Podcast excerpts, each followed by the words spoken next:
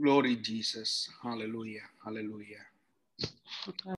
Terima kasih Bapa dalam surga. Kami bersyukur kepadamu ya Aba ya Bapa. Engkau sungguh baik Tuhan. Engkau telah memimpin kami. Engkau telah membawa kami dalam kebenaran. Nyatakan itu selalu Tuhan dalam kehidupan kami supaya kami sadar.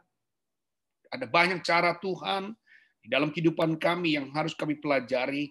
Lengkapi kami selalu Tuhan, supaya kami semakin layak di hadapan Engkau, supaya kami makin berkenan di hadapan Engkau Tuhan. Pimpin kami dari mulai awal kami mendengarkan Juminar ini, membawa kami dalam berkat-berkat Tuhan. Dalam nama Yesus kami berdoa. Haleluya, haleluya. Amin. Saudara-saudara yang kasih dalam Tuhan, biarlah kita kalau bisa malam hari ini kita selesaikan untuk uh, webinar kita, di mana pembahasan tentang karunia roh sangat-sangat menarik sekali untuk kita bisa ikuti ya. Kita sadar bahwa ada banyak cara Tuhan yang selalu mengingatkan kepada kita untuk kita sadar bahwa karunia-karunia itu memang dibutuhkan dalam gereja Tuhan. Sebagai apa? Biasanya eh, kita tahu, kita sadar bahwa seluruh kesaksian-kesaksian dalam kehidupan kita itu akan membuat daya tarik ya. Lagi-lagi bukan sekedar hanya daya tarik, tetapi menjangkau jiwa Ya, apa sih yang menjadi kelebihan orang percaya ketika mereka percaya kepada Yesus? Nah, jadi apa yang akan terjadi apabila orang percaya berbahasa roh? Alkitab mencatat ketika kita berbahasa roh, kita sedang berbicara kepada Tuhan. Kita menyampaikan kesaksian kepada Tuhan. Kita memuliakan Allah. Kita membangun diri kita sendiri. Bahkan membantu kita untuk berdoa dengan keluhan-keluhan yang tidak terucapkan. Semua ini ada di dalam ayat-ayat yang sudah baca ya ini semua kalimat-kalimat ini sudah saya informasikan bahwa kalau kita berbahasa roh kita sedang berbicara kepada Tuhan. Jadi jangan pernah saudara berpikir bahwa kalau ada orang yang menyangka-nyangka saudara dengan tipuan-tipuan kalau saudara sedang berbohong, tentu saja tidak. Ya, kita tidak mau mendukakan Roh Kudus. Kalau kita mendukakan Roh Kudus, kita tidak akan pernah diampuni. Bahkan bukan hanya di dunia ini, di sana pun nanti kita pun tidak akan atau di dunia lain pun kita tidak akan pernah diampuni. Jadi jangan pernah menghujat Roh Kudus, ya mengkhianati ataupun menipu Roh Kudus. Anania Safira sudah mengalami bagaimana ketika dia uh, berbohong kepada Roh Kudus, ya terjadi. Nah, tadi saya katakan, apakah Roh Kudus itu ada seperti rekan manusia? Nah, itu dia. Kalau saking banyaknya manusia-manusia menganggap remeh, yang menganggap sebelah mata tentang Roh Kudus, maka ada kejadian mereka akan mempermainkan Roh Kudus itu dengan sembarang. Maka dilarang sekali, khususnya sinode GSCA tidak menginginkan para hamba-hamba Tuhannya ketika dia berdoa, waktu dia sedang membahas roh kudus, bahasa roh itu diucapkan di mimbar, ya diucapkan, dikata-katakan dengan bahasa mimbar, kemudian hanya ingin membuat jemaat tertawa. Nah ini nggak boleh. Ya, kalau saudara betul-betul membaca TGPP daripada GSJA itu sangat-sangat dilarang, tidak mau, eh, tidak boleh ya bahasa roh itu diungkapkan dengan Uh, menggunakan kalimat-kalimat yang hanya ingin membuat rasa lucu kepada jemaat. Ya sering kali itu sering terjadi dulu-dulu di gereja kita pernah ya. Pernah mengalami model seperti itu. Ada banyak tuduhan tentang praktik berdoa dengan bahasa roh atau bahasa lidah. Salah satunya adalah mereka yang berbahasa roh mengalami gangguan metal katanya. Karena ngomong sendiri nggak jelas, bahasanya juga kayak bahasa yang aneh. Namun sebuah riset dilakukan di Inggris kepada seribu orang Kristen. Nah ini ada risetnya. Jadi uh, saya hanya ingin membuktikan bahwa saudara bahwa hal-hal yang hari ini mungkin menjadikan ketakutan kita bahwa kita sedang ditipu atau kita sedang dibohongi, sedangkan Inggris sudah membuat riset, saudara. Seribu orang Kristen mereka yang mempraktikkan doa dengan bahasa roh, kondisi emosinya lebih stabil daripada mereka yang tidak melakukannya. Jadi hasil riset juga diberitakan di laman eh, Night Times, ya, nighttimes.com. Ini juga mengungkapkan bahwa berdasarkan penelitian dari Dr. James, Eh, seorang psikolog dari Universitas Virginia, otak yang bekerja saat seorang berdoa dalam bahasa roh adalah bagian otak sadar. Ingat kita bukan dalam keadaan kesurupan, jadi waktu saudara mengatakan bahasa-bahasa yang baru, bahasa-bahasa asing, bahasa-bahasa lidah, saudara dikendalikan dengan tubuh emosi yang dalam keadaan normal. Jadi bukan nggak sadar. Maka kalau ada hamba Tuhan, gembala misalnya mengambil mic dan mengatakan, mari kita tenang, mari kita tenang, kita berdoa kita ada yang mau bicara. Nah, itu akan diam dengan sendirinya. Tapi kalau dia memaksa dengan emosi, hati-hati. Ada kalanya dia dikontrol dengan diri mereka sendiri. Jadi kalau saudara sudah mengontrol doa saudara dengan emosi saudara sendiri, nah ini yang uh, boleh dikatakan ada hal-hal lain yang mungkin di dalamnya adalah separuh diri kita. Ya, makanya bisa nggak? Bisa saja terjadi. Ya, jadi kondisi sadar itu yang harus ada, bukan dalam kondisi tak sadar atau kesurupan atau kerasukan ya. Walau demikian, otak yang mengendalikan bahasa atau otak untuk berpikir dalam kondisi diam, sehingga tidak diketahui secara pasti bagian otak mana yang membuat bahasa itu keluar dari mulut. Ya, ini pengontrolan yang luar biasa. Bahasa roh bukanlah sesuatu yang bisa direka-reka manusia. Jadi kalau dari pikiran, itu ketahuan otak yang bekerja. Habis ini ngomong apa ya? Habis ini ngomong tentang apa ya? Habis ini pakai bahasa apa ya? Yang orang-orang kelihatan nih kalau gua doa nih seru gitu ya gue doa nih orang akan fantastis banget karena bahasa gue keren gitu. Itu nggak bisa. Jadi sudah dibuktikan berdasarkan penelitian orang seribu orang yang sedang berdoa dengan bahasa roh, Dr. James menemukan tidak ada saraf otak manusia yang bekerja. Maka saudara harus hati-hati sekali, hati-hati sekali. Waktu saudara berdoa dengan bahasa roh, tetapi kalau otak manusia yang otak dagang kita, otak pertemanan kita, otak pekerjaan kita yang sudah bekerja, ini ketahuan banget. Yang luar biasa lagi bagaimana gambar menjadi pendukung bagi orang itu untuk mengartikan apa yang terjadi. Mereka menggambarkan hal itu, apa yang mereka percaya bahwa Tuhan berbicara melalui mereka. Dr. James, eh, Dr. Andrew Newberg, ya Newberg dikatakan melakukan penelitian tentang hal yang sama, tapi dia melakukan di Universitas Pennsylvania, ya. Dan yang tadi di Virginia, ya, ini di Pennsylvania, ya. Lalu mereka melakukan lihat riset yang terjadi hampir sama. Nah, kalau sudah lihat, memang kepenuhan Roh Kudus mulai dari awal yang seorang yang bernama William J. Seymour. William James Seymour ini ya gembala yang berasal dari Azusa Street ya, kebetulan GSJA Gereja Sedang Jemaat Allah juga berdasarkan beliau ya. Gambaran kulit hitam GBI semua ya, mereka GPIA, mereka ini adalah aliran-aliran yang berasal dari William J. Seymour. Ya, William J. Joseph J. Seymour Lahir di Centerville, Louisiana, 2 Mei 1870 dalam keluarga bekas budak penganut baptis Simon dan Philip Seymour.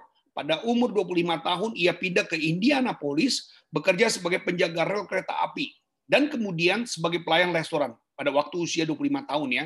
Pada masa inilah ia terserang cacar yang mengakibatkan mata kirinya buta dan tahun 1900 ya kalau sudah lihat 1900 berarti dia sudah berusia 30 tahun ya. Ia pindah ke cincin Cina mati ya, cincin mati dan yang bergabung di Church of God, Church of God ya. Di sini ia mendalami teologi kekudusan yang radikal. Teologi ini mengajarkan pengudusan sebagai pengalaman pasca pertobatan melalui atau menuju kekudusan sempurna, kesembuhan ilahi ya, dan janji akan pencurahan Roh Kudus di seluruh dunia sebelum terjadinya pengangkatan di tahun 1903. Ia pindah ke Houston, Texas, mencari keluarganya di sana. Ia bergabung dengan gereja kecil berarilan kekudusan, ya, atau disebut dalam gerakan Pitisme, yang digembalakan oleh seorang wanita kulit hitam, Lucy Foro.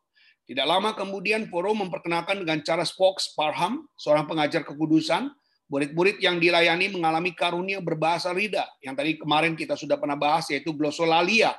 Dua tahun sebelumnya bagi Parham, itu adalah bukti alkitabiah dari baptisan Roh Kudus ketika ia mendirikan sekolah apologetic fight ya, iman ya. Di Houston, forum mendorong Seymour mengikutinya.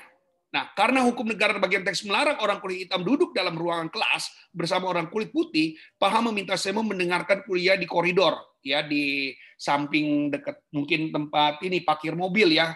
Seymour menerima uraian Paham tentang baptisan Roh Kudus berkat ketiga yang bukti berbahasa roh.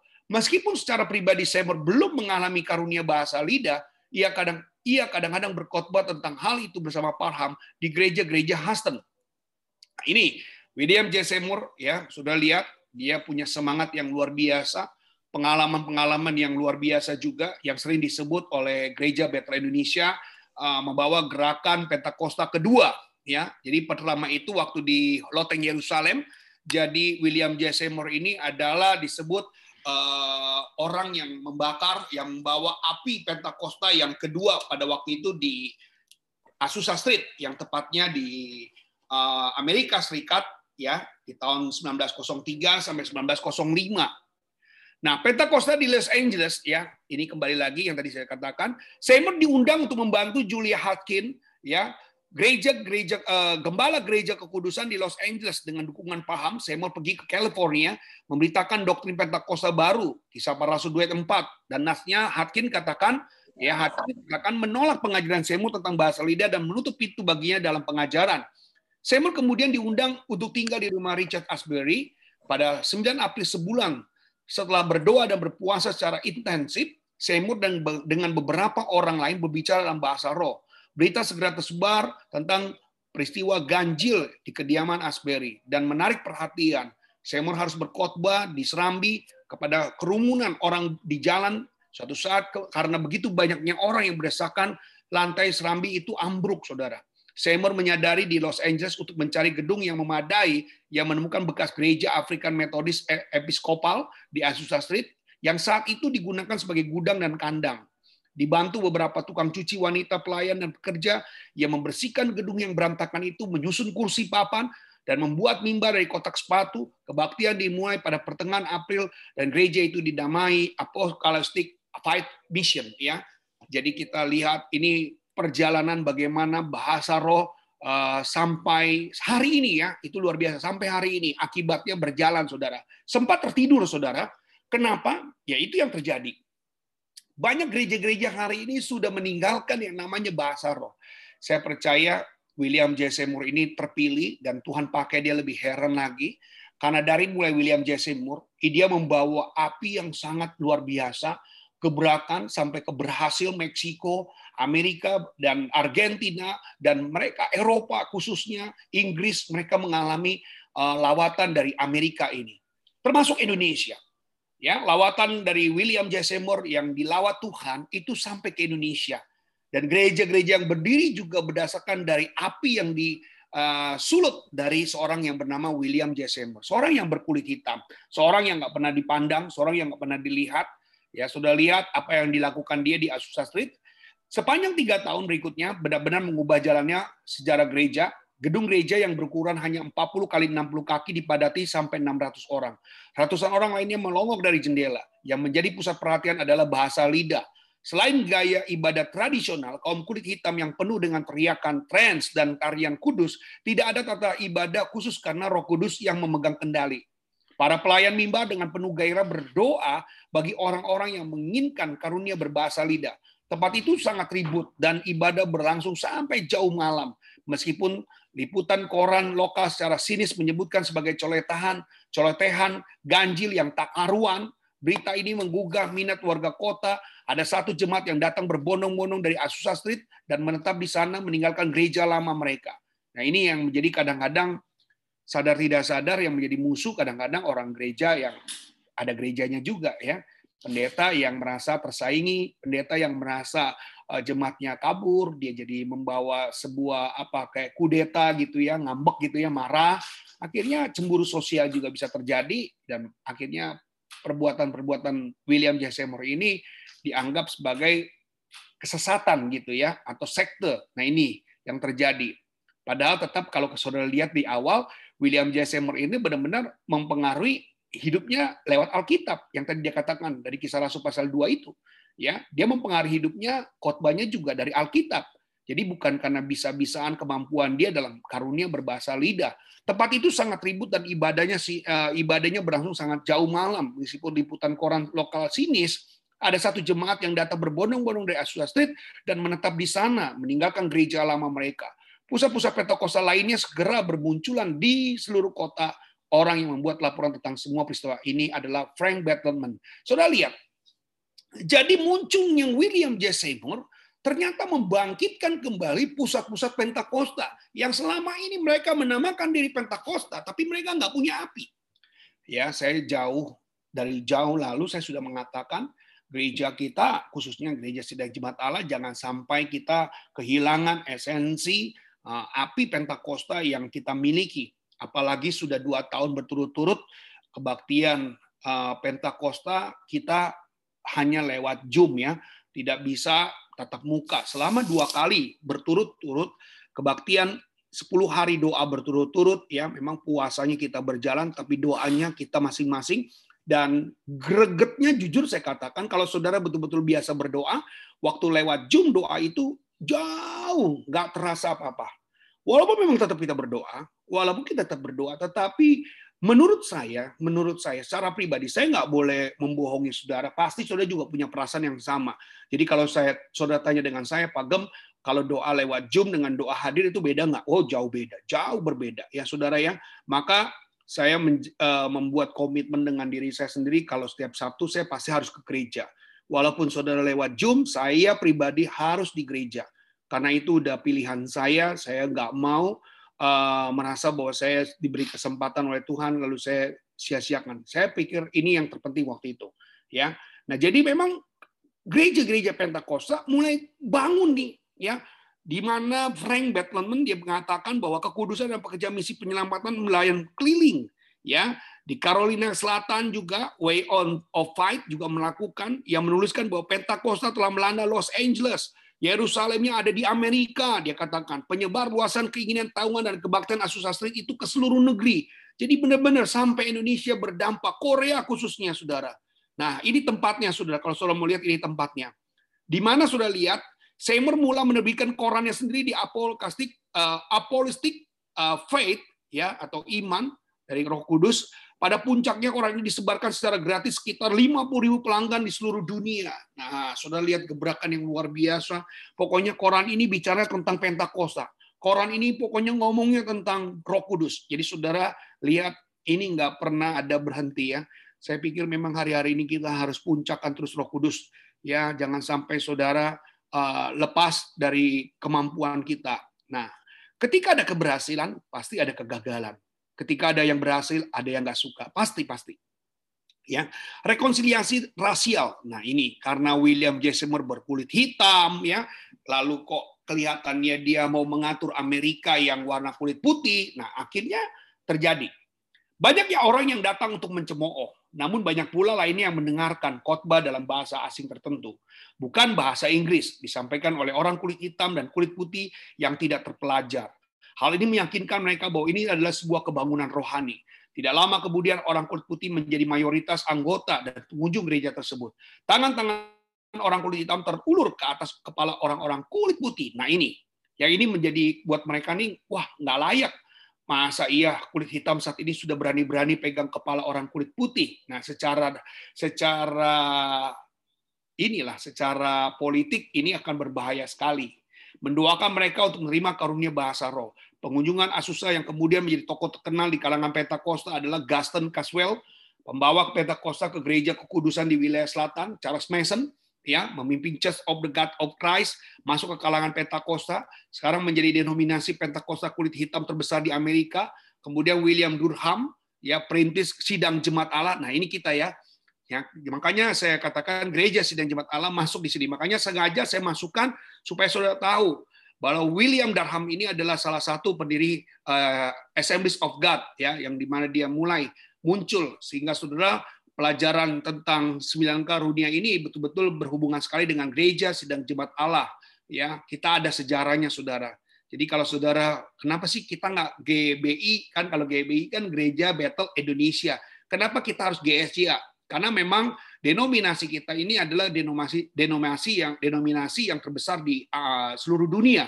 Jadi kalau gereja sidang jemaat Allah ini adalah denominasi terbesar di dunia yang memang menguasai hampir uh, ratusan ribu gereja-gereja di dunia.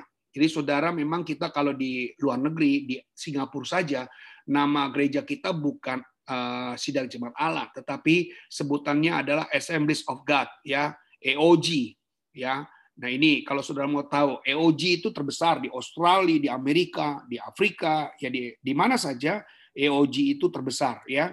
Jadi saudara harus sadar bahwa kita nggak pakai Indonesia karena kita memang langsung dihadirkan dari Amerika waktu itu. Ya.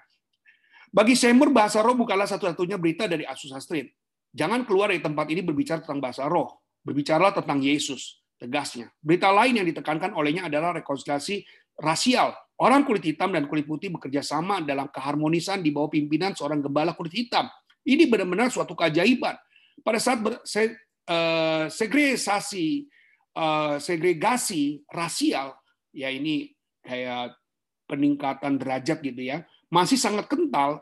Bartleman menyanjung di asosiasi perbedaan kulit kulit itu terhapus oleh darah Yesus. Seymour memimpi bahwa satu jenis gereja yang baru adalah semua mengalami Roh Kudus sehingga tembok-tembok perbedaan rasial, etnis, denominasi gereja dapat diruntuhkan. Sebenarnya tujuannya itu, tetapi memang kembali lagi di Indonesia justru denominasi aras-aras ini sudah mulai uh, mengkotak-kotakan lagi ya banyak hal-hal yang memang saya sih sendiri merasakan kalau saya ada di kumpulan teman-teman tuh uh, yang keluar dari Pentakosta mereka tidak mengizinkan kami untuk berbahasa roh begitu ya. Ya ada sesuatu yang kadang-kadang sepertinya dibatas-batasi. Sebenarnya justru sebenarnya bahasa roh itu ya harus disampaikan karena memang itu bukan bisaannya kita bukannya kemampuan kita. Memang firman Tuhan harus disampaikan. Tetapi kadang memang ya berhikmat sajalah saudara ada lebih baik kalau memang itu diperuntukkan untuk hanya untuk mengundang orang-orang percaya kepada Tuhan. Saya percaya ada banyak juga yang uh, diselamatkan karena bahasa roh yang kita sampaikan. Nah, impian Seymour berantakan bahkan sebelum hari-hari yang mulia di Azusa Street lama berakhir ketika gurunya Charles Parham mengunjungi Azusa pada tahun Oktober 1906, Parham tersentak oleh pemandangan yang disaksikan dalam kebaktian. Ia menganggapnya sebagai antusias agamawi yang tidak terkendali, bahasa yang emosional, dan pencampuran antara kulit putih dan kulit hitam sangat melukai perasaannya. Meskipun Seymour mengakuinya sebagai proyektor gerakan ini, para penatua Asos Street menolak Parham. Mungkin tantangan makin berat dihadapi Seymour di tahun 1909. Jadi sempat berhenti nggak? Ya, tepatnya di 1910 itu uh, Seymour berhenti, saudara. Ya, karena memang tidak lagi menjadi greget lagi, hanya beberapa tahun saja. Nah, ini yang saudara-saudara kita harus sadari memang di saat Tuhan mau bekerja, iblis nggak setuju ya. Di saat Tuhan mau bekerja, iblis selalu membuat eh, gangguan ya. Bisa saja. Jadi saudara jangan berpikir bahwa selalu langgeng ikut Tuhan, jalan selalu rata, langit selalu berwarna biru. Tidak. Tapi tetap Tuhan tidak akan pernah melepaskan kita. Dia tetap ada dampak kok ya di situ. Dua pekerja wanita kulit putih pindah ke Portland, Oregon, membawa daftar alamat pelanggan Apocalyptic Fight ya. Ini koran-koran yang menjadi pelanggan yang waktu itu disebar gratis 50 ribu. Hal ini memutuskan hubungan Seymour dengan para pengikutnya dan pemimpinannya atas pergerakan yang baru muncul pun berakhir. Setelah tahun-tahun kemuliaan dari 1906 sampai 1909, gereja Azusa Street menjadi gereja kecil yang tadinya menampung hampir ribuan ya ternyata saat ini hanya menjadi gereja kecil bagi warna kulit hitam yang digembalakan oleh Seymour sampai ia meninggal. Jadi kalau saudara lihat dia umur 30 waktu tahun 1900 kalau dia meninggal 1922 berarti usia dia hanya 52 tahun. Istrinya Jenny meneruskan pengembalaan pun juga meninggal di tahun 1936. Tahun 2000, William Seymour terpilih menjadi pembaca majalah Christian History ya sebagai salah satu 10 tokoh yang berpengaruh di abad ke-20. Keturunan rohani kalangan Pentakosta berjumlah 500 juta. Nah, jadi tidak ada yang namanya sia-sia. Saudara lihat, ya tidak ada yang namanya mengalayani Tuhan menjadi sia-sia. Apinya pun sampai hari ini, salah satunya gereja sidang jemaat Allah maka oleh karena itu jangan sampai kita berhenti, saudara. Jangan sampai api Pentakosta kita berhenti. Dalam pelajaran ini kita diingatkan untuk kita punya api yang terus berkobar-kobar. Kita punya api yang terus ya memanas. Jangan sampai berhenti, saudara. Ya, kalau memang Tuhan mau izinkan saudara berbahasa roh, ya inginkan Tuhan memberikan karunia bahasa roh buat saudara, ambil, nikmati. Dan ini adalah dampak dari 500 juta penganut golongan Kristen yang terbesar kedua di dunia.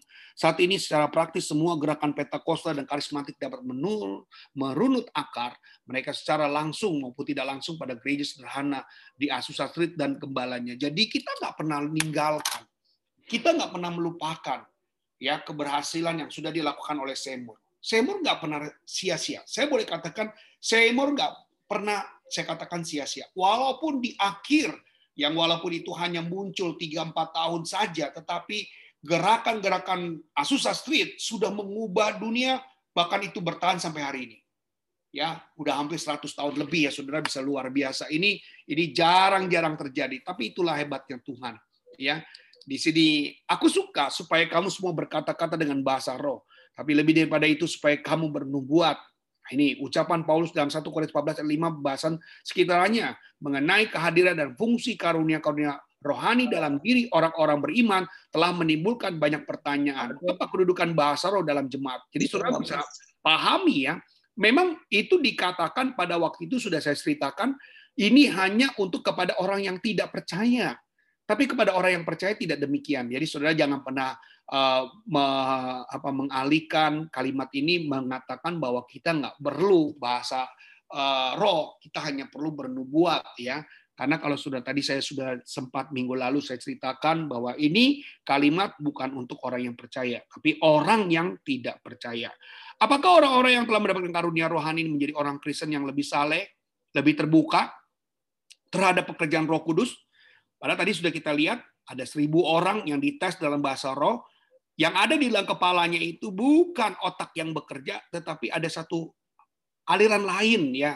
Sepertinya ada aliran lain. Karena pada waktu kita berbahasa roh, bukan otak kita yang bekerja. Itu sudah dilakukan survei ya, penyelidikan di Universitas Virginia dan uh, di universitas yang lain yang disampaikan. Apakah Paulus bermaksud mengatakan bahwa semua orang Kristen harus mendapatkan karunia ini? atau sebaliknya semua orang harus berpartisipasi dalam pekerjaan nubuat, memberikan tempat yang tidak penting untuk berkata-kata dalam bahasa roh. Beberapa orang Kristen ada dasar teks ini atau lainnya merasa lebih tinggi atau lebih lengkap karena mereka memiliki karunia bahasa roh.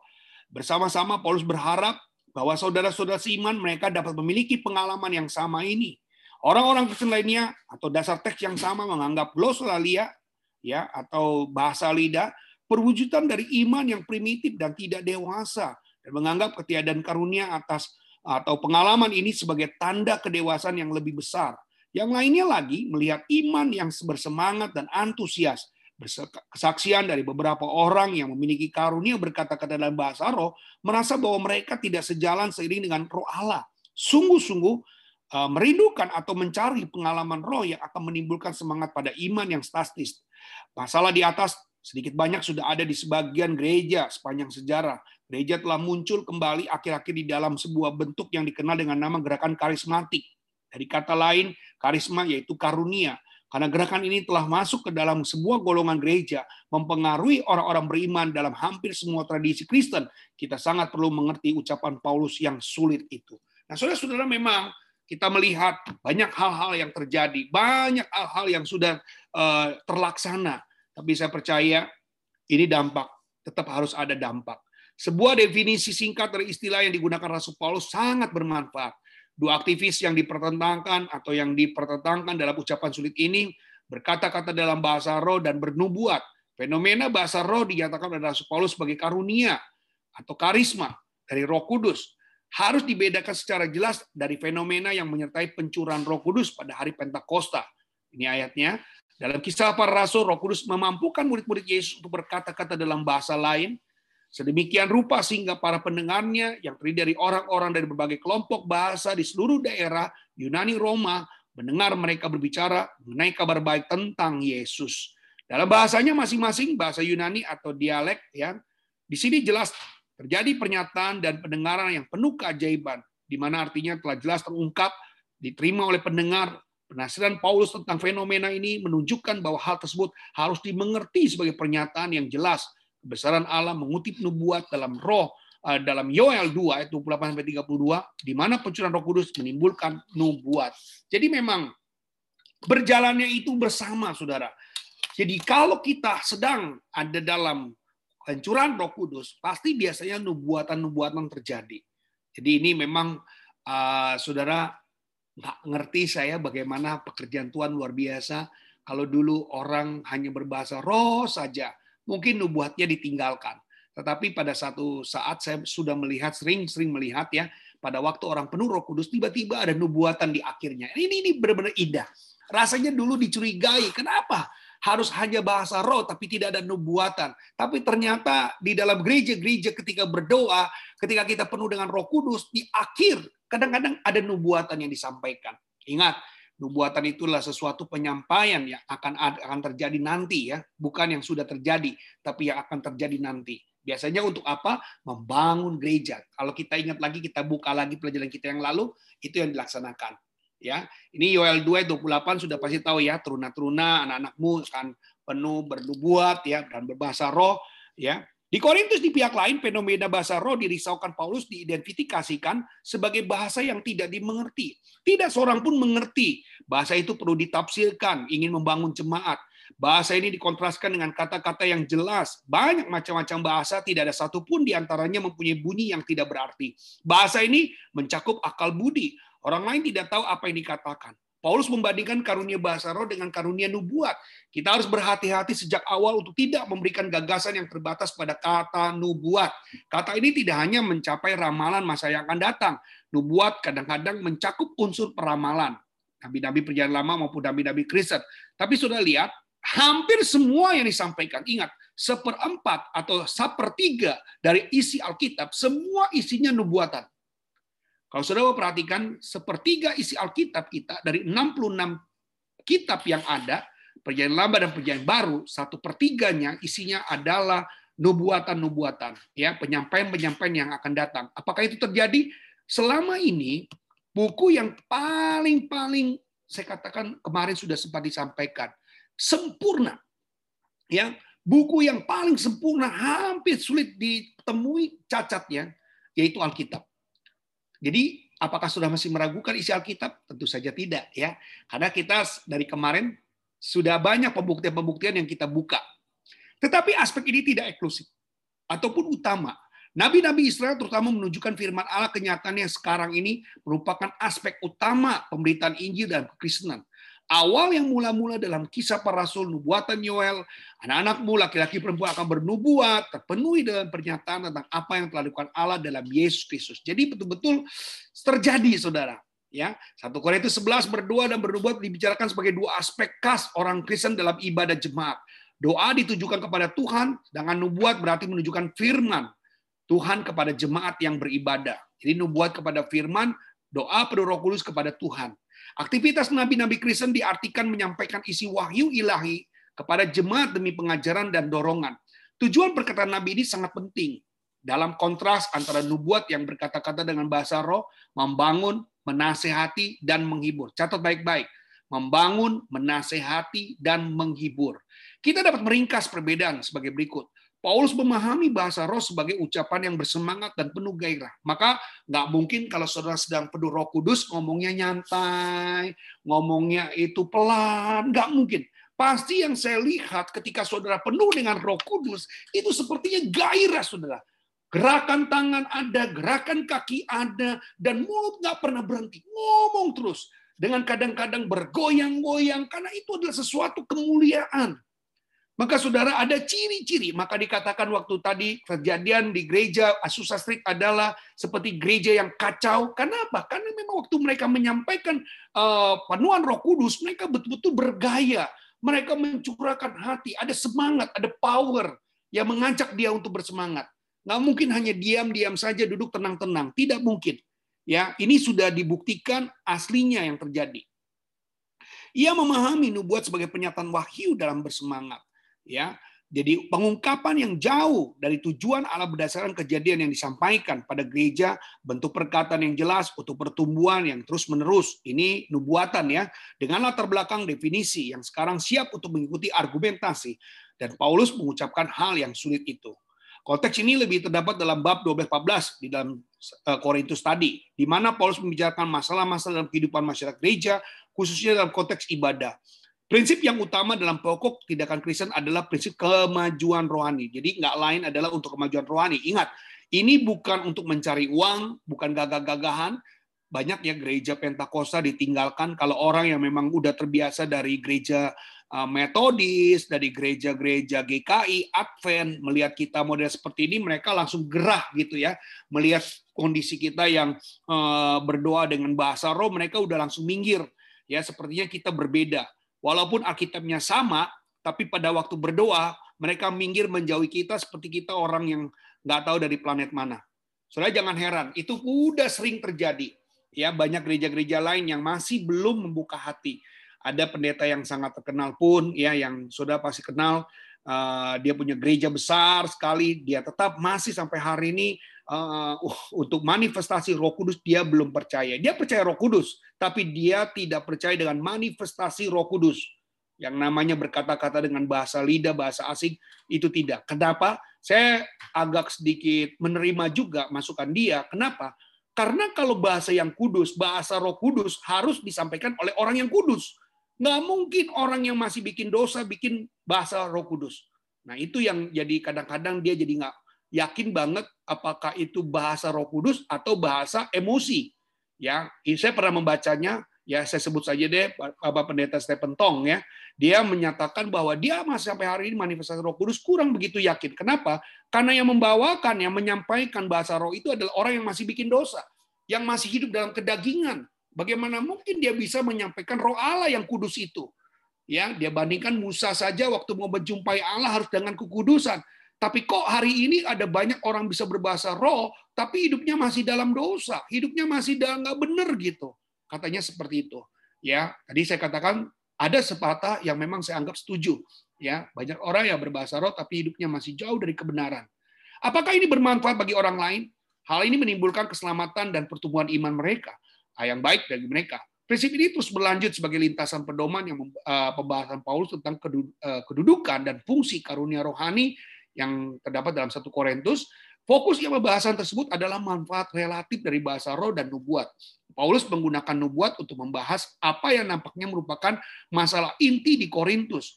Sikap meninggikan karunia berkata-kata dengan bahasa roh sedemikian rupa sehingga karunia-karunia lainnya dan juga orang-orang yang memiliki karunia itu diremehkan. Orang-orang yang menggunakan bahasa roh jelas melihat karunia ini sebagai tanda kerohanian yang lebih tinggi. Nah ini kemarin yang sempat kita bahas di awal-awal.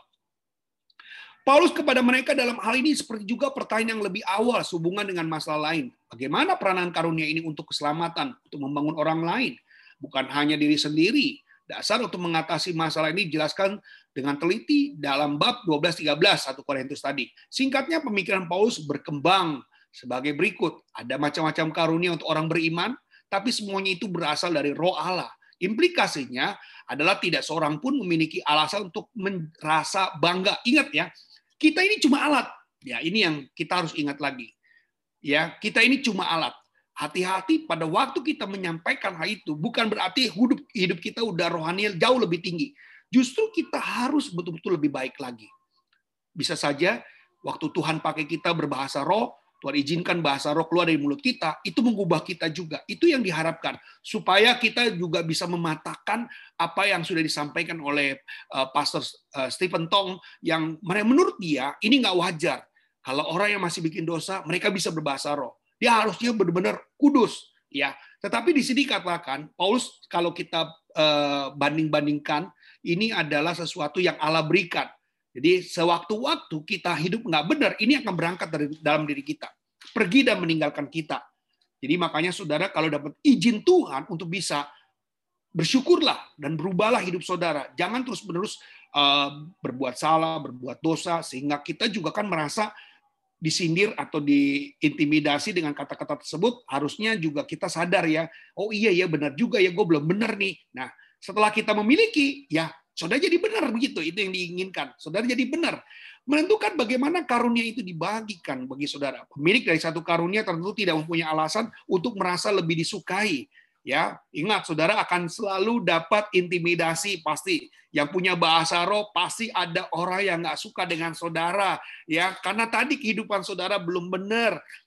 Bahkan ada yang menyindir saudara, kadang-kadang seperti itu. Secara khusus dalam pengertian tertentu lebih tinggi daripada seorang yang tidak memilikinya.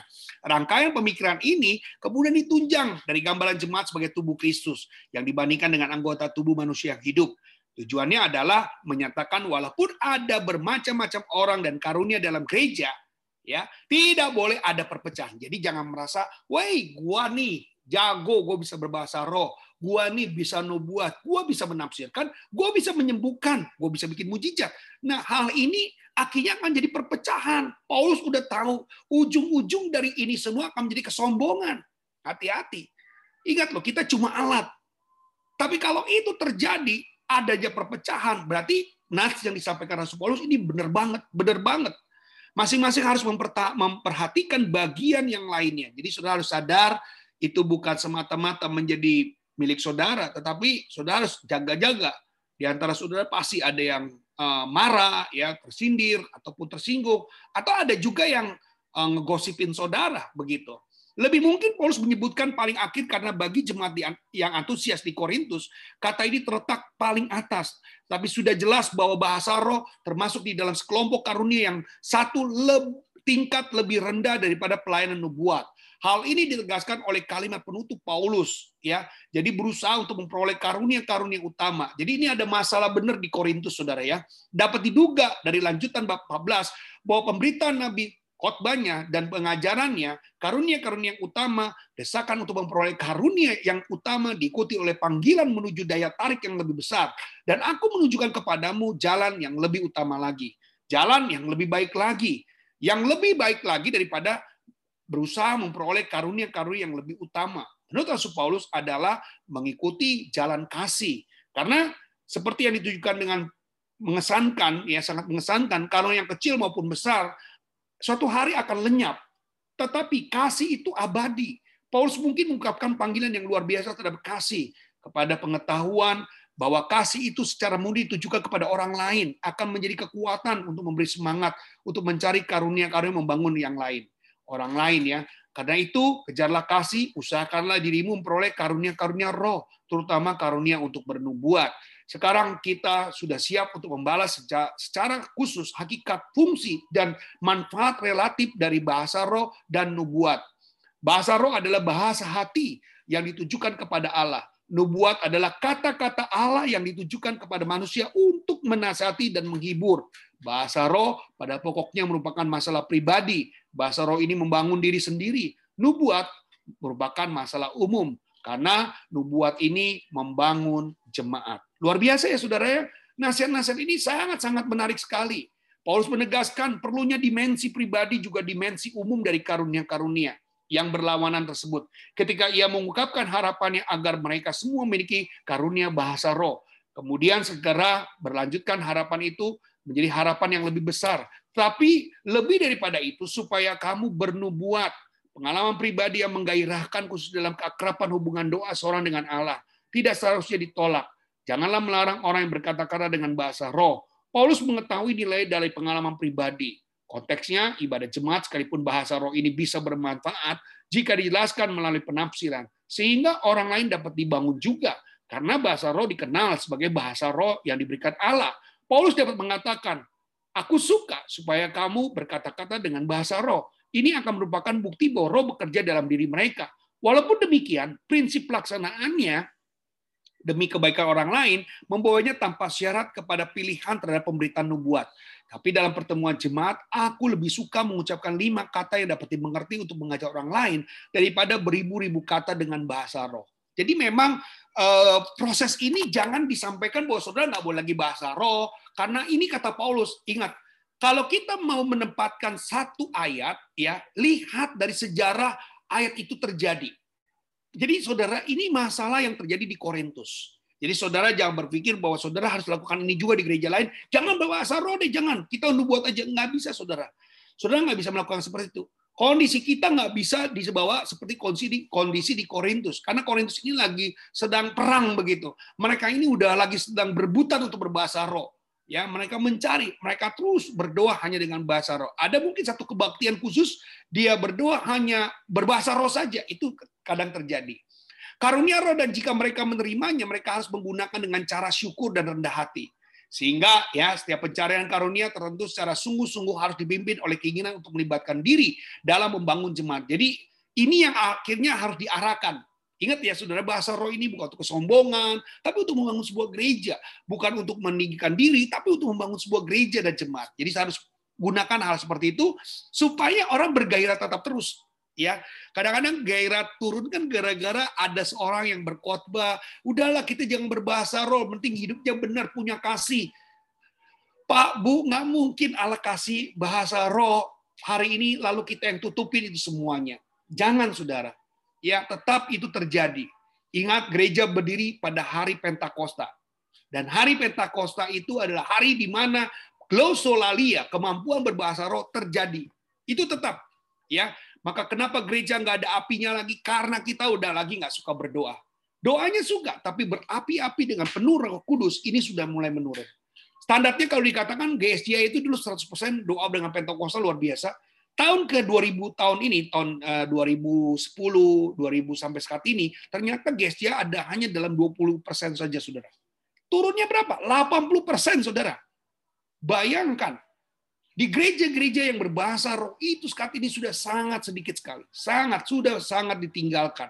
Karena tadi mungkin ada yang kadang-kadang, ya tadi saya katakan, dia nggak bisa bahasa roh, akhirnya dia menunda orang-orang untuk berbahasa roh. Jadi kadang-kadang pemimpin yang menunda-nunda bahasa roh karena pemimpin yang memang tidak berbahasa roh. Dia nggak suka berbahasa roh. Ya, karena dia merasa udahlah doa yang benar aja deh, nggak usah bahasa-bahasa lain. Karena dia ambil sisi bahwa yang penting adalah nubuat gitu. Karena nubuat kan membangun jemaat. Kalau bahasa roh kan membangun diri sendiri. Gini loh, gini, gini, gini, gini ya, gini. Gimana kita bisa membangun jemaat kalau kita nggak dipenuhi Roh Kudus dulu? Gimana caranya, saudara? Nubuat itu kan dimulai dari bahasa roh dulu. Maka kita penuh bahasa roh dulu, baru kita bisa bernubuat. Emang enak, saudara. Bisa langsung tiba-tiba ngomong langsung jadi nubuatan. Enggak, sebenarnya nubuatan Tuhan tuh udah terjadi dalam khotbah, itu sudah nubuatan, saudara. Ya, nubuatan itu bisa waktu saudara dengarkan renungan firman Tuhan, itu sudah nubuatan.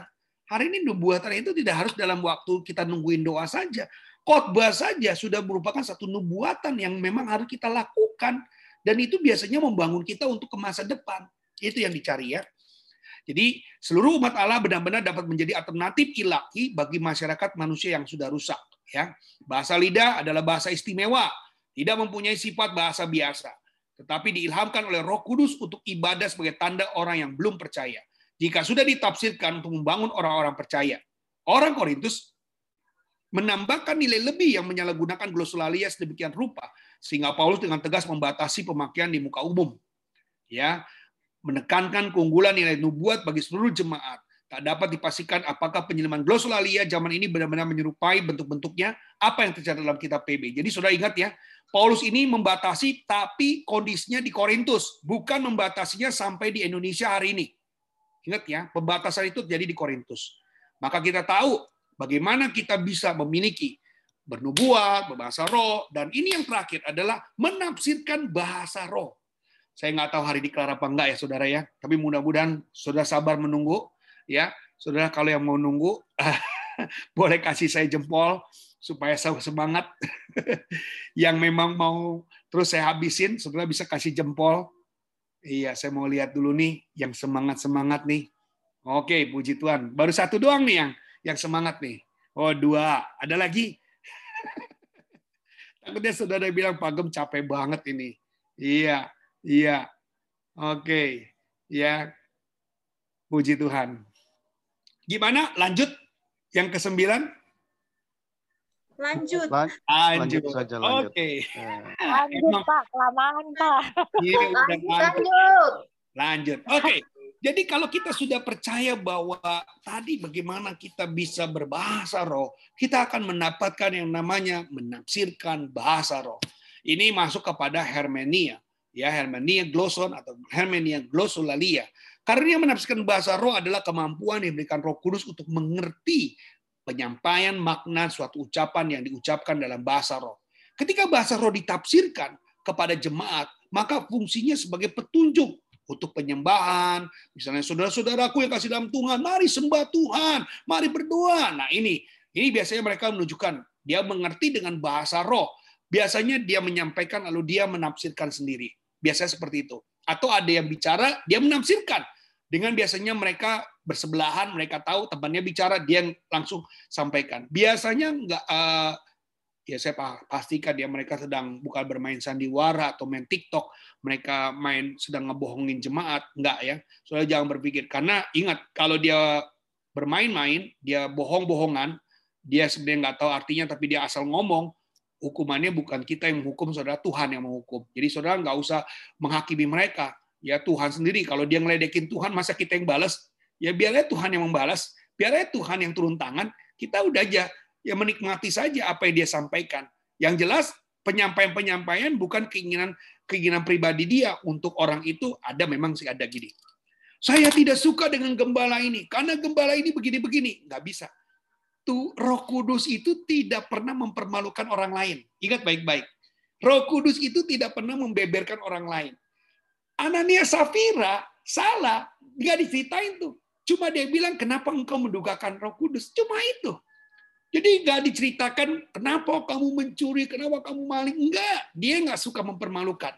Maka saudara sadar dulu hari ini, penempatan diri saudara tentang roh kudus punya cara kerja. Roh Kudus punya cara kerja, dia tidak pernah menemplak orang lain dan menyuruh orang lain itu bla bla bla. Biasanya dia empat mata dia ngomong langsung. Tadi saya berdoa, sorry ya saya ngomong nih ya, boleh nggak Tuhan suruh saya tegur kamu. Kamu selama ini ada sesuatu yang kamu sembunyikan. Apa sih? Pokoknya ada sesuatu yang sangat-sangat kayaknya harus kamu rubah. Misalnya, dia punya jimat. Dia pernah berbohong. Dia pernah begini. Ada. ya, Tetapi tidak disampaikan secara umum ada jemaat-jemaat yang lagi berdoa, dia bilang, ada seorang ibu hari ini datang. Ya, kebetulan ibu-ibu tuh cuma dua, dia sama ibu. Sama ibu itu, ya udah pasti ketahuan. Nggak mungkin lah saudara. Ini yang nggak goya-goya, apa nggak nggak goyang-gayon, apa nggak nggak lucu-lucu gitu ya. Mau gimana saya ngomongnya bingung ya. Yang jelas banyak orang suka bilang begitu. Di sini ada ibu dua. Ya, ya dia salah satunya. Ibu ini begini, ibu ini telah menggugurkan anak. Kan itu kan mempermalukan dia. Ya, roh tidak akan pernah mempermalukan. Roh tidak akan pernah menciderai, saudara. Jadi dengar baik-baik. Saudara yang menafsirkan bahasa roh hati-hati. Dia tidak akan pernah mempermalukan orang lain ngomong secara menemplak. Biasanya selesai doa, dia akan hampiri orang itu, dia ngomong baik-baik. Jadi ingat, saudara harus sadar ya, roh itu tidak suka mempermalukan. Kalau yang sudah suka mempermalukan itu iblis ya. Jadi cerita satu, ya bisa orang jadi cerita rame-rame. Berarti wah Roh Kudus kacau juga ya. Kalau membeberkan kesalahan itu langsung aja semua dicerita-ceritain. Berarti dia kepo juga ya Roh Kudus kayaknya ngegosip juga ya. Ayo, apa yang sudah mau ngomong kalau ternyata Roh Kudus kayak gitu juga? Nggak mungkin lah. Berarti saudara itu ngomong hati saudara sendiri. Karena apa? Kebetulan ibu itu pernah cerita sama pendetanya. Pendeta itu cerita dengan si pendoanya. Akhirnya pendoa itu ngomong, dan banyak orang yang menyampaikan tentang itu. Eh, enggak, enggak lama hidup mereka yang begitu. Orang-orang yang suka mempermalukan dalam doa enggak lama. Kerohaniannya akan merosot gratis. Gratis. Kenapa? Karena dia bawa Tuhan dalam menegur orang lain. Enggak benar. Itu jahat sekali. Itu kekejian bagi Tuhan. Kalau Tuhan nggak ngomong, tapi dia bilang bawa-bawa Tuhan. Tuhan nggak bicara, dia bawa-bawa Tuhan. Ayo, saudara. Hebat kan? Ini saya akan menyampaikan seperti ini supaya saudara sadar, supaya saudara tahu ya kalau Roh Kudus itu tidak suka mempermalukan. Kalaupun memang Roh itu suruh ngomong, tidak di depan umum. Empat mata dia tegur. Alkitab loh. Ya, menegur orang dengan empat mata itu alkitabiah banget. Ya, doa ataupun sebagai nubuat bahasa roh dalam perhimpunan jemaat harus disertai per, per, penafsiran sehingga jemaat dapat mengartikannya Orang yang punya karunia menafsirkan bahasa roh akan melakukan. Penafsiran itu bisa saja orang yang berbahasa roh itu. Saya mau ini dibacakan ya bantu ya. Karena ini kita udah masuk hal yang baru. 1 Korintus 14 ayat 3, 27 dan 28 bisa Pak Joy bantu baca. Kemudian 1 Korintus 15 ayat 5 dan 13 Pak Sam bisa bantu baca. Silakan. Haleluya. Ada ikut? Saya nggak bisa lihat ini karena saya di depan saya Haleluya. Ada? Oh, oh, itu ada pasam, ada pajo yang ada. Silakan pasam dulu, pasam. 1 Korintus 14 ayat 3, 27 dan 28. 1 Korintus 14. Ya, kasih Pak. Ada di layar Pak.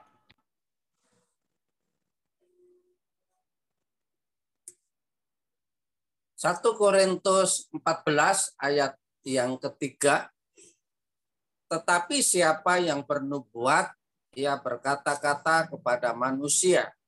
Ia membangun, menasehati, dan menghibur. 27 dan 28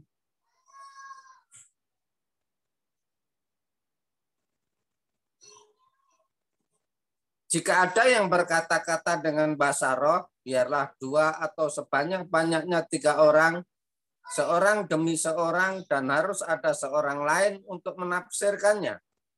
Jika tidak ada orang yang dapat menafsirkannya, hendaklah mereka berdiam diri dalam pertemuan jemaat dan hanya boleh berkata-kata kepada dirinya sendiri dan kepada Allah. 1 Korintus 15 15 ayat yang kelima dan 13 bahwa ia telah menampakkan diri kepada Kefas dan kemudian kepada kedua belas muridnya. Ayat yang ke-13 Kalau tidak ada kebangkitan orang mati maka Kristus juga tidak dibangkitkan. Oke, makasih Pak. Jadi memang kita sadari.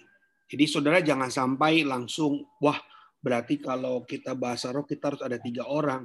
Jadi begini saudara, saudara memang ingin supaya bahasa roh saudara disampaikan dengan ditafsirkan, tapi bukan berarti selalu bahasa roh saudara harus diartikan ya. Kadang-kadang memang saudara sadari bahwa bahasa roh itu kadang-kadang memang untuk diri saudara sendiri, menguatkan diri saudara sendiri, berbicara untuk diri saudara sendiri. Allah memang sedemikian saudara, ya, untuk membuat saudara lebih memahami. Nah, karunia tafsiran adalah kuasa yang diberikan oleh Roh Kudus kepada seseorang untuk berbicara dalam bahasa yang sederhana, bahasa setempat, bahasa Indonesia kalau kita menyampaikan bahasa Indonesia dan menyampaikan suatu tafsiran dari apa yang diucapkan dengan keras. Jadi saudara bilang, Pak, bahasa roh itu bisa nggak bahasa roh langsung dari bahasa roh mengartikan? Enggak. Biasanya habis bahasa roh, dia langsung mengucapkan dengan bahasa di tempat, bahasa setempat, bahasa yang dia kuasai. Kalau dia bahasa Inggris, dia akan ngomong dalam bahasa Inggris. Walaupun dia sudah penuh dengan bahasa roh. Ya, seperti itu. Ya, ada yang menafsirkan sendiri, ada yang memang eh, orang lain yang menafsirkan. Ya, ada yang memang waktu dia berbahasa roh, dia tidak bisa menafsirkan, tapi ada juga yang datang dia bisa menafsirkan langsung. Menyampaikan suatu tafsiran dari apa yang diucapkan dengan keras dalam karunia berkata-kata. Dalam bahasa roh tadi penafsiran tidak sama dengan peterjemah.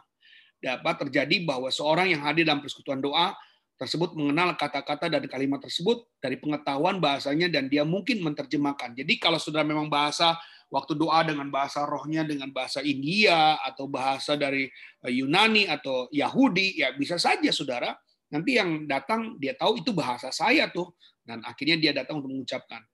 Tafsiran mungkin lebih pendek dari lebih panjang eh, atau lebih panjang dari apa yang kalimat diucapkan saat berkata-kata dalam bahasa roh. Ada dua bentuk tafsiran. Pertama berupa doa pujian kepada Allah dan yang kedua adalah merupakan pesan dari Allah kepada jemaat. Tafsiran yang kedua itu sama dengan nubuat. Jadi ada beda ada mirip-mirip dikit ya Saudara ya dasar bibikalnya dikatakan kepada yang seorang ia memberikan karunia dengan berkata-kata dengan bahasa roh dan yang lain ia memberikan atau menyembuhkan atau untuk berkata-kata dalam bahasa roh dalam 1 Korintus 14 Paulus memberikan ajaran tentang karunia ini. Jadi memang uh, Alkitab memang menyatakan hal seperti itu. Karunia berkata-kata dalam bahasa roh dan karunia tafsiran ini digunakan sesuai dengan apa yang diajarkan dalam kitab suci.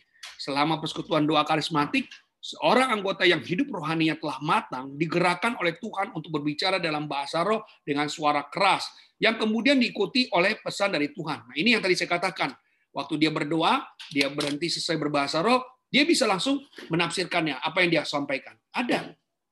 Ya, jadi jangan merasa heran bahwa waktu dia berbahasa roh nggak ada yang menyampaikan. Kalau yang tidak ada yang menyampaikan ya sudah nggak apa-apa. Bukan berarti uh, ya ada kadang Allah mau bicara, ada kadang-kadang Allah nggak mau bicara. Bisa saja di saat-saat tertentu Allah mau bicara, di saat-saat yang paling-paling bicara. Ada satu masalah dalam gereja dia akan bicara. Supaya apa? Yang tadi, ya mungkin kalau kita mulai lagi berdoa, pasti banyak orang-orang yang haus mau berdoa. Ada juga yang memang kadang-kadang di gereja berdoa santai saja. Udah seperti kayak orang nggak bergerak, mulutnya pun nggak pernah bergerak. Ya, saudara bisa bayangkan kalau saudara ikut doa Zoom, saya nggak tahu saudara bergerak atau tidak mulut saudara. Ya bisa saja saudara terbawa dengan mimpi saudara, bahkan saudara habis amin sampai juga selesai eh, bunga-bunga tidur saudara, sehingga saudara juga amin. Nah, ini jangan sampai terjadi saudara. Saya tidak sangat menginginkan saudara waktu saudara berdoa hanya karena hanya karena apa nggak enak sama gembala, karena saudara adalah pelayan Tuhan. Kalau nggak doakan, kayaknya nggak enak, akhirnya ikut-ikut-ikut ya. Tetapi sayang banget keikutsertaan saudara itu tidak membangun iman saudara. Saudara cuma butuh kehadiran uh, kehadiran saja atau saudara cuma butuh dilihat orang saja. Ini sama saja saudara sudah menjadi uh, membohongi diri saudara sendiri. Sayang banget gitu. Alangkah baiknya saudara mengubah dia kebiasaan-kebiasaan yang seperti itu dengan semangat yang berapi-api. Harus saudara, ya. Nah, kita lihat di situ Seseorang anggota yang hidupnya telah matang digerakkan oleh Tuhan untuk berbicara dengan bahasa roh dengan sangat keras. Kemudian diikuti sebagai pesan Tuhan dalam bahasa setempat. Kedua karunia ini bila digunakan bersama-sama sangat menyerupai nubuat. Bagaimana seorang tahu bahwa Tuhan menggerakkan dia untuk berkata-kata dalam bahasa roh? Biasanya orang tersebut adalah anggota dari persekutuan doa yang telah matang jadi nggak mungkin datang kucuk-kucuk dia datang bisa berbahasa roh. Hati-hati, ini orang sesat atau memang mau sengaja-sengaja. Apakah banyak orang-orang yang suka berbohong? Banyak banget. Banyak banget. Cuman saudara nggak usah menghakimi, tenang aja. Orang dia menghina Tuhan, biar Tuhan yang beresin, saudara. Saudara nggak usah pusing, nggak usah menghakimi, saudara mencari dia. Wah kamu berdusta ya. Dari mana kamu tahu dusta? Yang tahu dusta nggak dusta kan Tuhan, saudara. Kalau dia sampai menangis-nangis, masa saudara bilang dusta? Pendeta banyak tertipu, saudara. Dengan orang-orang yang berdoa nangis, disangkanya sungguh-sungguh. Bisa saja dia punya uang hilang, akhirnya dia dinangis, dia nangis-nangis karena dia habis dimaki-maki sama orang tuanya, dia nangis-nangis teringat dengan utang yang nggak kebayar-bayar, bisa saja dia nangis-nangis. Orang tuh kalau nangis itu sebenarnya gampang banget, saudara. Ya, bisa saja dia nangis karena kemarin uh, menghilangkan barang yang milik orang lain bisa saja dia menangis. Waktu dia datang ke rumah Tuhan, dia kelihatan terseduh-seduh. Sudah pikir dia penuh roh kudus, nggak tahunya dia lagi sedih. Nah, jadi nggak bisa, saudara. Untuk kita menghakimi, kadang-kadang kita nggak bisa sama sekali. Biar Tuhan, saudara. Dia menghina, menghina Tuhan. Biar Tuhan yang menghukum dia. Jadi saudara jangan rame-rame menghakimi dia. Ini ibu-ibu ini palsu nih. Doanya bohong-bohongan nih.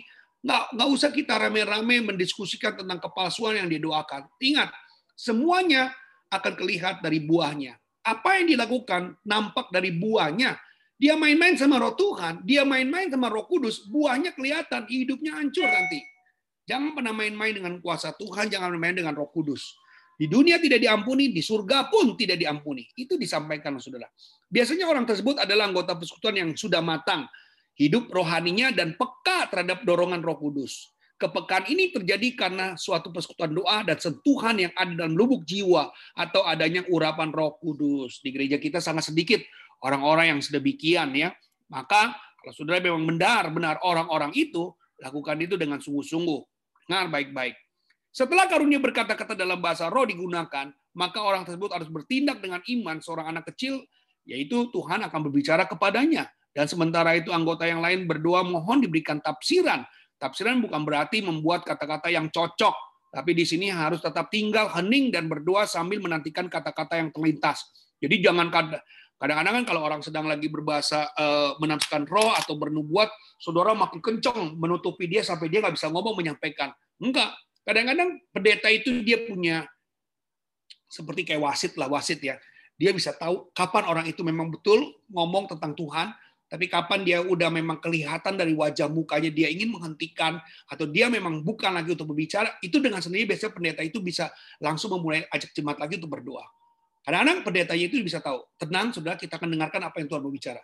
Nah, waktu dia bicara diulang-ulang ternyata bahasa yang dikomongkan itu lagi itu lagi itu lagi, biasanya pendeta itu udah bisa menghentikan sendiri, dia menyuruh untuk yang lain melakukan doa lagi, mungkin ada penafsiran yang lain dilakukan.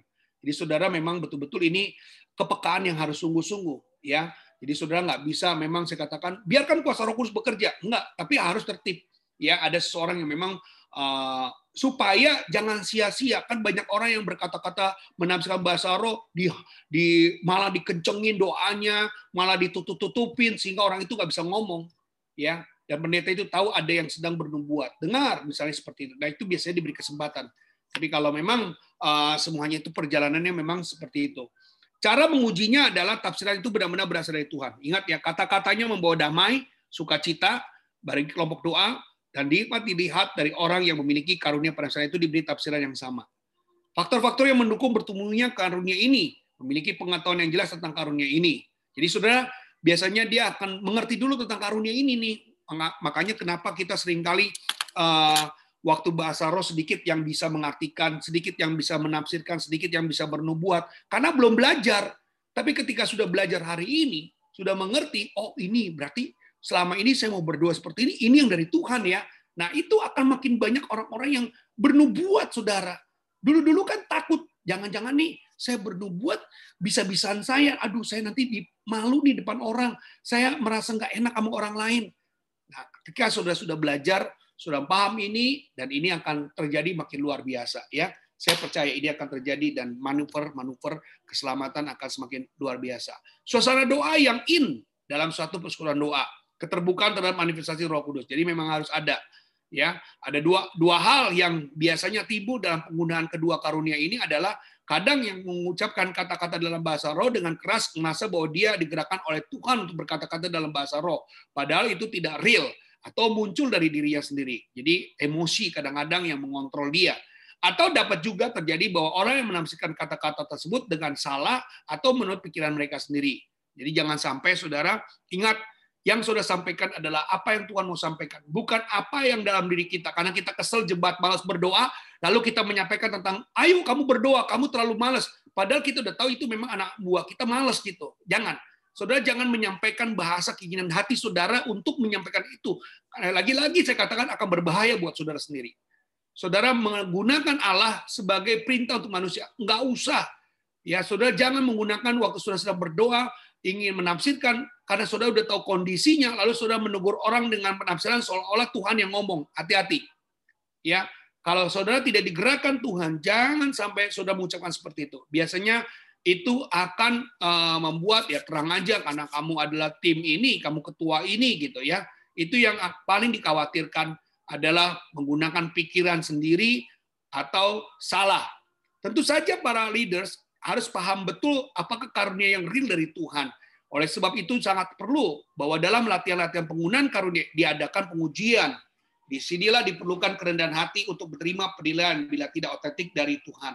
Biasanya gembala perlu untuk diskusi dengan orang-orang yang menyampaikan uh, penafsiran-penafsiran bahasa roh atau nubuatan-nubuatan bahasa roh yang sedang diucapkan atau yang sudah diucapkan supaya ingin rasanya mereka itu ada dalam kebenaran jangan sampai kesalahan itu yang dikhawatirkan ya yang memiliki karunia bahasa roh harus berdoa meminta penafsiran dan hanya setelah itu karunia bisa digunakan untuk orang lain. Jadi karunia menafsirkan bahasa roh sangat erat terkait dengan karunia bahasa roh dan hanya berfungsi ketika karunia bahasa roh bekerja di tengah perkumpulan jemaat Tuhan. Bersama dengan karunia berbahasa roh ditemukan Karunia rohani yang berhubungan dengan 1 Korintus 12 ayat 10. Karunia rohani penafsiran bahasa roh. Karunia penafsiran bahasa roh merupakan kemampuan menerjemahkan bahasa asing ke dalam bahasa yang dipahami oleh pendengarnya. Karunia penafsiran bahasa roh adalah karunia yang terpisah, namun digunakan bersama dengan karunia berbahasa roh. Karunia berbahasa roh adalah kemampuan supranatural untuk mengucapkan kata dalam bahasa lain yang tidak pernah dipelajari. Itu yang paling penting ya. Tujuannya adalah supaya semua orang dapat memahami dan mengartikan berkat kebenaran atau mendapatkan berkat kebenaran yang disampaikan menurut Rasul Paulus sesuai dengan bahasa roh yang ditulis kisah Rasul, karunia bahasa roh dimaksud untuk menyampaikan pesan Allah secara langsung kepada pendengar dan bahasanya sendiri. Tentu jika mereka yang hadir tidak memahami bahasa yang digunakan, maka bahasa roh itu tidak akan berguna. Jadi berguna bagi orang lain tapi berguna tetap buat diri sendiri. Ingat ya, tetap ya Kebutuhan itulah yang dipenuhi oleh penafsiran bahasa roh yang adalah pembangunan gereja Tuhan. Jadi saudara, jangan sampai terhenti karena satu dipotong-potong bacanya. Ya, ketika lengkap saudara pahami. Apakah penafsiran karunia bahasa lidah? Jika hal ini dengan berbahasa lidah seorang dapat berbicara dengan bahasa-bahasa yang dia tidak mengerti, hal itu tidak dipahami oleh dia. Tetapi sebuah bahasa yang nyata yang tidak dikenal olehnya, yang kemudian untuk menafsirkan oleh seorang yang tidak mengetahui bahasa itu akan menjadi sebuah mujizat ganda dia berbahasa roh, dia juga menafsirkan bahasa roh itu. Ia akan menjadi sebuah mujizat bagi seorang yang berbicara dengan bahasa yang dia tidak kenal. ia akan menjadi sebuah mujizat bagi orang lain, bagi seorang yang menafsirkan bahasa yang dia tidak ketahui. Dan ini akan menjadi sesuatu yang aneh dan berputar tentang cara membangun jemaat. Di tempat ketiga, jika bahasa lidah yang tidak mengerti merupakan sebuah seri dari seruan satu kata kalimat yang terpisah, kemudian karunia menafsirkan akan meliputinya, mengambil seruan yang terpisah dan membuatnya menjadi suatu makna bagi jemaat sebuah pemahaman yang dapat dimengerti oleh telinga, maka penafsiran menjadi salah satu dua macam. Dalam 1 Korintus 14 katakan, siapa yang berkata-kata dengan bahasa roh tidak berkata-kata kepada manusia, tetapi kepada Allah. Nah, jadi saudara ingat ya, saudara tetap penting nggak? Penting, karena saudara ngobrol tentang Allah. Ngobrol dengan Allah. Dan dia mendeskripsikan, eh, jadi menguraikan bahasa lidah dengan tidak ada seorang pun yang mengerti bahasanya oleh roh, ia mengucapkan hal yang rahasia. Sebab orang yang bernubuat lebih berharga daripada orang yang berkata-kata dengan bahasa roh. Jadi ingat, bernubuat untuk banyak orang, bahasa roh hanya untuk diri sendiri. Jadi kalau sudah lihat berharganya tuh di situ. Jadi jangan sampai saudara berhenti bahasa roh karena nggak berharga. Berharga tetap untuk diri saudara, tapi kalau nubuat itu untuk orang banyak. Kecuali orang itu juga menafsirkan sehingga jemaat dapat dibangun. Jadi inilah yang kadang-kadang ayat-ayat yang suka dipakai ya sekali lagi ayat ini suka dipakai untuk orang-orang tidak berbahasa roh. Sehingga orang yang berbahasa roh menjadi malas karena merasa dia bukan menguntungkan jemaat, hanya menguntungkan diri sendiri ya. Kalau memang untuk diri sendiri bagus, tapi kadang-kadang dianggapnya tidak bermanfaat. Ya, itu yang sering kali terjadi. Jadi orang-orang yang berbicara dalam seruan yang tidak dikenal itu harus memiliki karunia untuk menafsirkan. Sehingga dirinya sendiri dapat menafsirkan apa yang dia sampaikan. Ya gara-gara dia merasa nggak ada yang bilang ini berharga, akhirnya dia mencoba-coba mengartikan dengan logika. Nah ini yang berbahaya. Ya banyak karena dia ingin dianggap bernubuat, akhirnya waktu dia habis selesai bahasa rohnya itu benar, tapi dia mengartikan dengan gaya dia sendiri. Dia mengartikan ingin dirinya sendiri menyampaikan, nggak akan pernah bisa, saudara. Kalau Tuhan yang tidak uh, mengontrol, kalau bukan Tuhan yang uh, menyuruh, kita nggak akan pernah bisa. Tidak akan pernah bisa. Jangan coba-coba, saudara ya. Saudara iseng-iseng, ya, saudara main-main, walaupun saudara sudah tahu tujuannya adalah kemuliaan bagi Tuhan, memajukan gereja, saudara pakai untuk memajukan gereja. Akan kelihatan, saudara ya yang takutnya adalah hukuman saudara bukan yang sekarang tapi nanti. Karena saudara ingin memajukan gereja tapi bohong-bohong. Memajukan gereja tapi tipu-tipu. Karena saudara ingin sepertinya berbahasa roh tapi padahal saudara sedang berdusta ya. Diberikan juga karunia untuk menafsirkan. Jadi karunia menafsirkan bahasa lidah kadang-kadang dimiliki oleh seorang yang memiliki karunia berbahasa lidah. Dirinya sendiri menafsirkan apa yang dia sampaikan jika ada yang berkata-kata dalam bahasa roh, biarlah dua orang sebanyak ini yang tadi sudah kita baca. Jika ada kemungkinan bahwa orang berbicara dengan seruan-seruan ini akan memiliki karunia untuk menafsirkan. Dia menafsirkan apa yang dia sampaikan. Kemudian ada orang-orang di dalam jemaat Tuhan memiliki karunia untuk menafsirkan. Itulah mereka lakukan.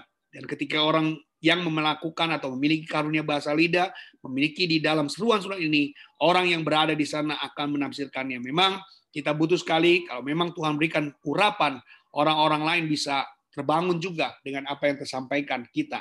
Lalu ada dua atau tiga hal yang harus disampaikan dari bagian berdasarkan penafsiran dari bahasa lidah. Satu, orang yang memiliki karunia untuk menafsirkan adalah orang yang dikenal. Jadi nggak bisa orang yang nggak kenal, ya. Dan dia berada di dalam jemaat. Dan siapa pun dia, seluruh jemaat mengenalnya. Dan ketika seorang berdiri untuk berbicara dalam bahasa lidah, yang pertama harus ditetapkan adalah bahwa dia penafsir berada di sana. Jika penafsir itu tidak ada berada di sana, maka orang itu tidak dapat berbicara. Itu adalah hal pertama yang harus diperhatikan. Ini mungkin nggak bukan lagi suatu uh, pegangan kita juga ya. Ini hanya saya uh, mengambil dari penafsiran-penafsiran saja. Tapi tidak harus ya. Penafsir karunia untuk menafsirkan bahasa lidah, orang ini memiliki karunia yang harus dikenal di seluruh jemaat. Itu yang pertama saja saya lihat ya. Lanjut saya masuk yang kedua. Yang kedua, saya catat di sini dan saya perhatikan penafsir yang sama dapat menafsirkan semua orang yang berbicara dalam bahasa lidah membutuhkan seorang penafsir pembicara dan penafsir yang lain untuk membicara yang lainnya. Tapi penafsir yang sama merupakan penafsir bagi semua orang yang berbahasa lidah. Uh, ini juga sama ya. Kita tidak tidak mengambil bahwa harus ada orang ya. Jadi saudara jangan berpikir bahwa harus ada penafsir. Nggak semua gereja kita bisa menafsirkan Mungkin uh, saya belum diberikan karunia juga untuk menafsirkan bahasa lidah apa yang disampaikan. Ya karena itu memang punya karunia khusus. Jadi nggak bisa uh, kenapa nggak ngerti ya daripada saya harus menyampaikan kata-kata yang tidak saya ketahui dan itu akan membuat saya berdoa lebih baik saya bertanya sama Tuhan. Silakan Tuhan yang mengartikan. Mungkin saja Tuhan punya cara bagaimana hal ini disampaikan. Ya, jadi saya catat ketiga bahwa tidak ada dua penafsir yang menafsirkan hal seri yang sama. Jadi memang kadang-kadang harus ada gerakan roh untuk menafsirkan. Jadi jangan saudara membuka eh, diri hanya karena pengertian dirimu. Karena kata-katanya ini sudah menyampaikan ini. Karena emosi ini dia menyampaikan seperti ini.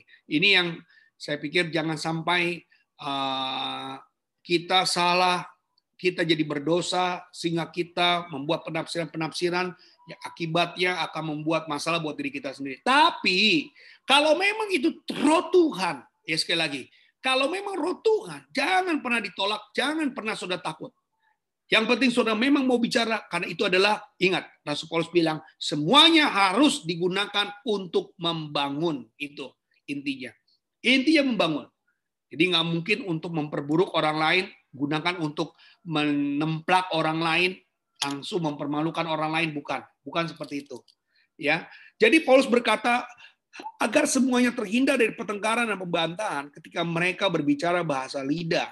Jadi gunanya dulu digunakan hal seperti itu Rasul Paulus supaya tidak boleh ada terjadinya pertengkaran dan pembantahan ya.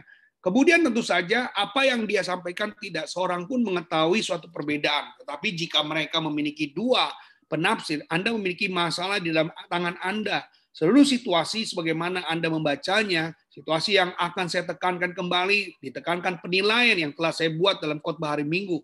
Semuanya merupakan sebuah masalah. Paulus sedang bergumul dengan hal itu. Seluruh kemampuannya jadi pada pagi hari itu di dalam penafsiran bahasa lidah kita akan mengaplikasikan kepada kita. Yang pertama dari semuanya akan melihat penafsiran Paulus tentang bahasa lidah. Kemudian saya memiliki sebuah kesimpulan untuk menutup khotbah.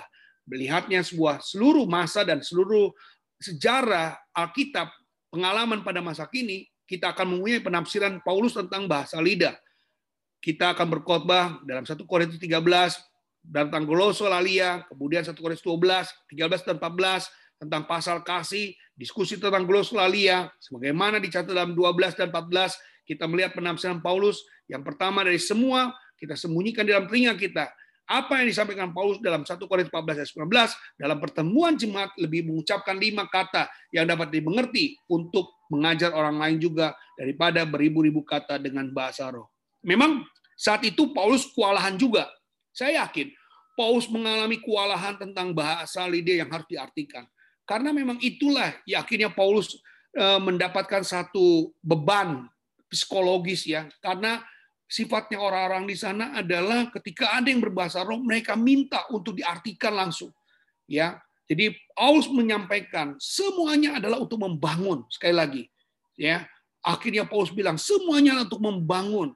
Mengucapkan lima kata yang dapat dimengerti mengajar orang lain daripada beribu-ribu berbahasa roh jadi memang saudara-saudara ini terjadi masa-masa yang betul-betul rodit pada saat itu ya. Pengontrolan yang memang agak sulit pengontrolan yang begitu berat sebagai seorang Paulus pada saat itu. Saya bisa merasakan kalau posisi saya sebagai Rasul Paulus yang segala-galanya harus dia mengerti, dia pahami.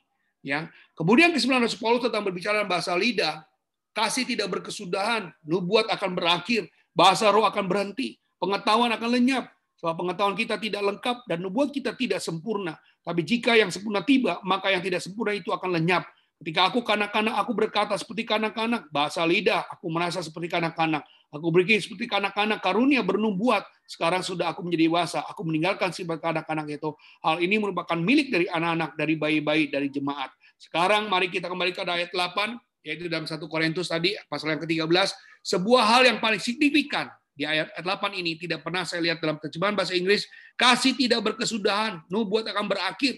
Dalam terjemahannya Inggris, Anda mungkin berpikir bahwa berakhirnya nubuat dan akan uh, berakhir artinya nubuat akan berakhir, bahasa roh akan berhenti, pengetahuan akan lenyap. Saudara-saudara, ini yang diketahui oleh Rasul Paulus adalah mengingatkan kepada mereka supaya ya perdebatan yang terus-menerus sering kali menjadi satu masalah Dan ini juga yang sering kali menjadi gereja-gereja Protestan, mereka memegang teguh tentang hal ini sehingga bahasa roh tidak dilancarkan. Bahasa roh tidak terbuka bebas ya, karena semua menganggap itu akan uh, berhenti ya, bahasa roh akan berhenti. Ya, Saudara-saudara, sebagai orang-orang yang percaya kepada Kristus, ingat baik-baik peran-peran kita sebagai peran-peran orang-orang percaya tetap harus ingat dengan pesan yang Tuhan mau lakukan. Saudara-saudara, kita sebagai orang yang percaya yakin ada masa-masa yang harus kita bangun dalam diri kita. Ada masa-masa yang memang harus kita baharui di dalam diri kita yang mana kepada Kristus Yesus Tuhan Allah kita. Haleluya, haleluya. Saudara-saudara yang kasih dalam Tuhan, sembilan karunia sudah ya betul-betul sangat uh, melegakan hari ini tentang bagaimana Tuhan uh, menginginkan saudara sebagai pribadi-pribadi yang memiliki antusias ya percaya kepada Tuhan penuh dengan uh, kerinduan yang terus saudara akui bahwa karunia karunia Roh Kudus adalah diberikan untuk membangun tubuh Kristus satu sama lain Diberikan setiap orang sudah menerima kelahiran baru, otomatis mendapat baptisan roh kudus. Karunia tidak ada yang diperoleh dengan meminta paksa kepada Allah. Karunia diberikan menurut kemauan, kedaulatan roh kudus. Karunia tidak dapat dipindah tangankan. Karunia tidak dapat diambil atau dimiliki oleh pribadi secara khusus. ya. Jadi menerima karunia berkata-kata ada karunia yang diberikan Tuhan, didorong untuk mencarinya. Hanya Tuhan yang memberikan karunia. Pada saat saudara percaya kepada Tuhan, itu akan saudara dapati dan saudara terima. Haleluya. Jadi inilah yang hari atau malam ini kita menyelesaikan semua ya PR kita yang dua bulan lebih ya kita uh, lakukan ini dan sangat-sangat menarik. Memang sulit, memang susah ya. Tetapi saya percaya ini bermakna sekali dalam uh, kita bersama-sama mengiring Tuhan. Haleluya. Oke, sampai di sini apakah ada yang mau bertanya? Charles boleh dimatikan.